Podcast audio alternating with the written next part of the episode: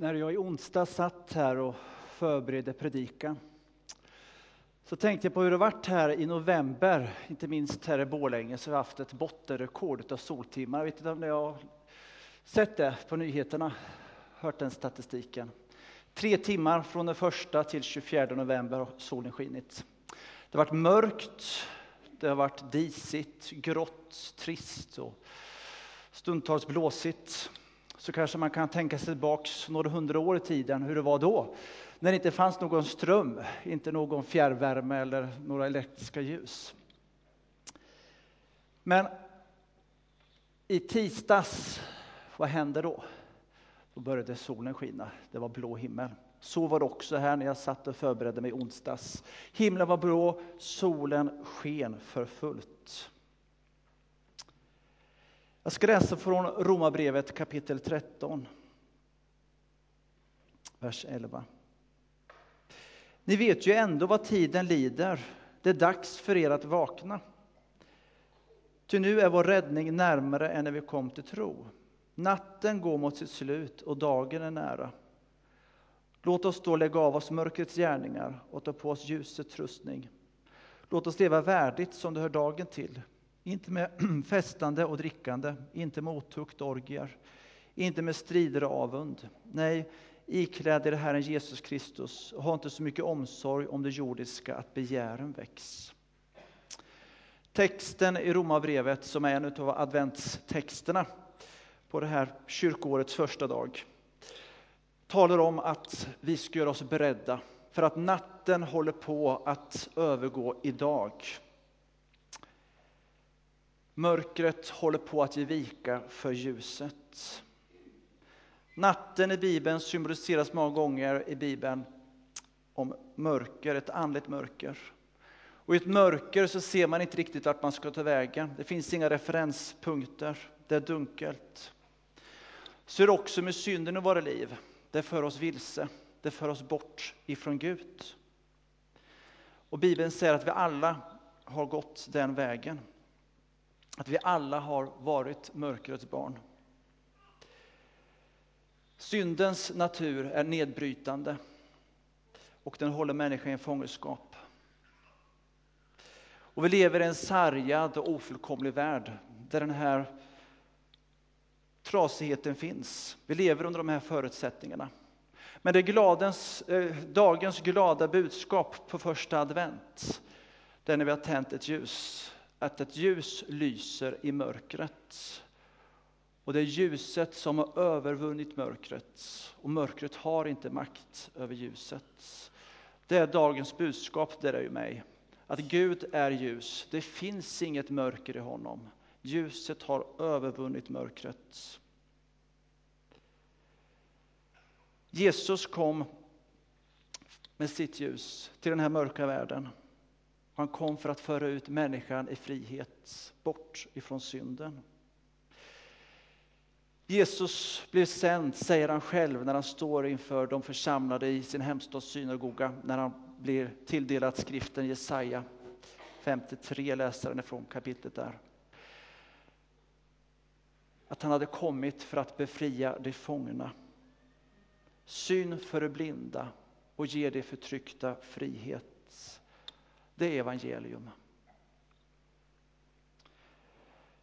Gud möter oss mitt i vårt mörker med sin stora nåd, sin barmhärtighet. Och han vill ge oss utav sin kärlek, utav sin glädje, utav sin frid. Och Gud, han har bara goda tankar för varenda människa.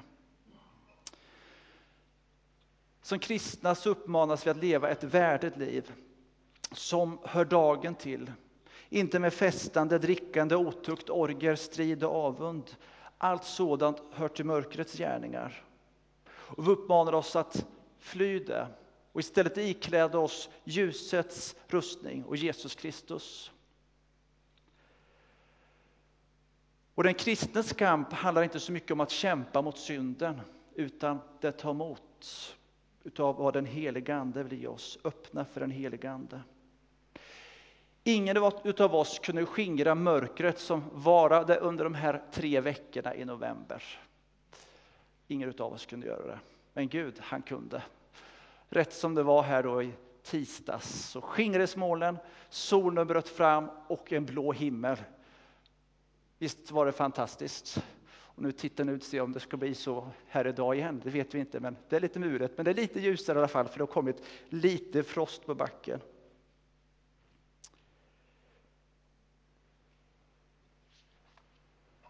Samma sak är i våra liv. Vi kan inte befria oss ifrån vår egen synd eller ta oss ut ur vår egen synd, utan det finns bara en befriare och det är Jesus Kristus. Endast han har makt att förlåta synder. Och det är till honom vi sätter vårt hopp. Nu ska jag läsa från psalm 24, som är en profetia som förkunnades långt innan Jesus kom till den här jorden. Jag ska läsa några verser där.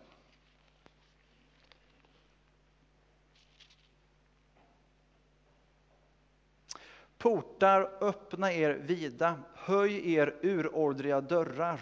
Låt ärans konung draga in. Vem är då ärans konung? Det är Herren, den väldiga hjälten. Herren, väldig i strid. Portar, öppna er vida, höj er uråldriga dörrar. Låt ärans konung draga in. Vem är han, ärans konung? Det är Herren Sebot. Han är ärans konung. Den här profetian gick i uppfyllelse när Jesus red in på en åsna genom Jerusalems port in i staden. Han möttes av en jublande stor folkskara som bredde ut sina mantlar på vägen och hade skurit palmkvistar som ett uttryck för triumf och seger. Det la man och bredde ut. Man såg Jesus som en frälsare som skulle rädda dem från romarnas förtryck. Nu var tiden inne för Israel som nation att resa på sig. Inte sedan kung Salomos tid hade någon ridit in på en åsna. För här kom han med fred. När vanligtvis kungar red in så kom man på hästar för att gå ut i strid. Åsnan var en symbolisk handling för kungar på den här tiden. När man kom med åsna var för att tillbjuda fred och det gjorde Jesus den här dagen. Men Jesus hade mycket större planer och mycket större tankar än bara för Israel. Han kom för att tillbjuda fred för en hel värld, för en hel mänsklighet för alla tider. Och så läser vi också från profeten Jesaja kapitel 9 som egentligen är en klassisk jultext, men vi går ju mot jul. Men natt ska vika där ångest nu råder. Det folk som vandrar i mörkret ser ett stort ljus. Över dem som bor i mörkrets land strålar ljuset fram. Du låter jublet stiga, du gör glädjen stor.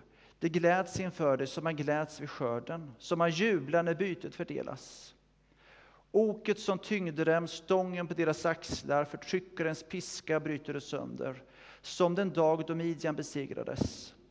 Stöveln som bars i striden och manteln som fläckats av blod, allt detta ska brännas, förtäras av eld. Ty ett barn har fötts, en son är oss given, väldet är lagt på hans axlar, och detta är hans namn, allvis härskare, gudomlig hjälte, evig fader, fridsförste. Väldet skall bli stort, fredens välsignelser utan gräns, för Davids tron och hans rike.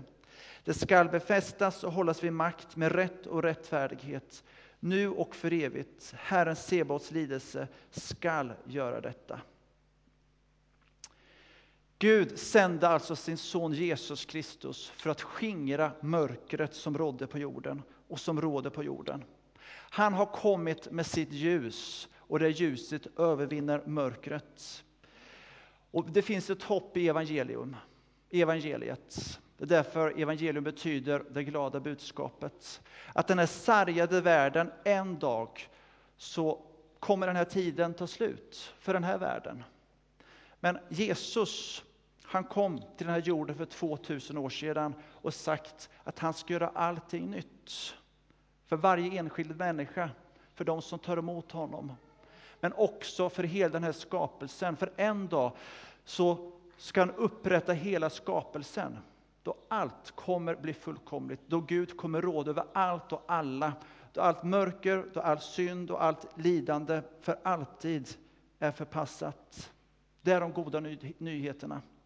Det är evangelium. Gud är för dig. Immanuel är en av Guds namn. Det betyder Gud med oss. Gud är för människan. Han älskar människan så mycket att han gav sitt liv för dig och mig.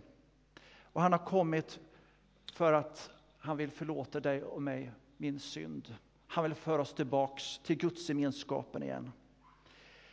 Det är ett glädjebudskap, evangelium, det var första advent handlar om. Du kan få bli ett Guds barn. Du kan få ta emot Jesus i ditt liv. Du kan få ta emot det ljus som han är, rakt in i ditt liv. Och han ger oss hopp, han ger oss frid, han ger oss glädje. Och vi kan tryggt få vila i hans händer, vad som än händer oss i livet. Vi ber tillsammans. Ja, Fader i Jesu namn så vill jag tacka dig för att du är ljus. Jag tackar dig för att inget mörker finns i dig. Och jag tackar dig för att du har övervunnit allt mörker. Du har övervunnit synd och djävul. Och jag tackar dig för att du kom för att tillbjuda fred, inte bara för Israel utan för en hel värld, för alla tider. Och jag tackar dig för att det fridens budskapet också gäller oss idag. Tack Herre för att du vill komma med din frid rakt in i våra liv. Tackar för ditt ljus. Jag tackar dig för ditt hopp. Och jag tackar dig för att du för oss från mörkret till ditt underbara ljus. Och jag tackar dig för att du förlåter oss våra synder. Och jag tackar dig för att du inte bara förlåter oss, utan du har sagt i ditt eget ord att du till och med utplånar dem. Du glömmer dem till och med. Och jag tackar dig för att det evangelium. Att vi i dig är fria. Fullständigt fria. Vi får vara dina barn. Så välsigna var och en här idag.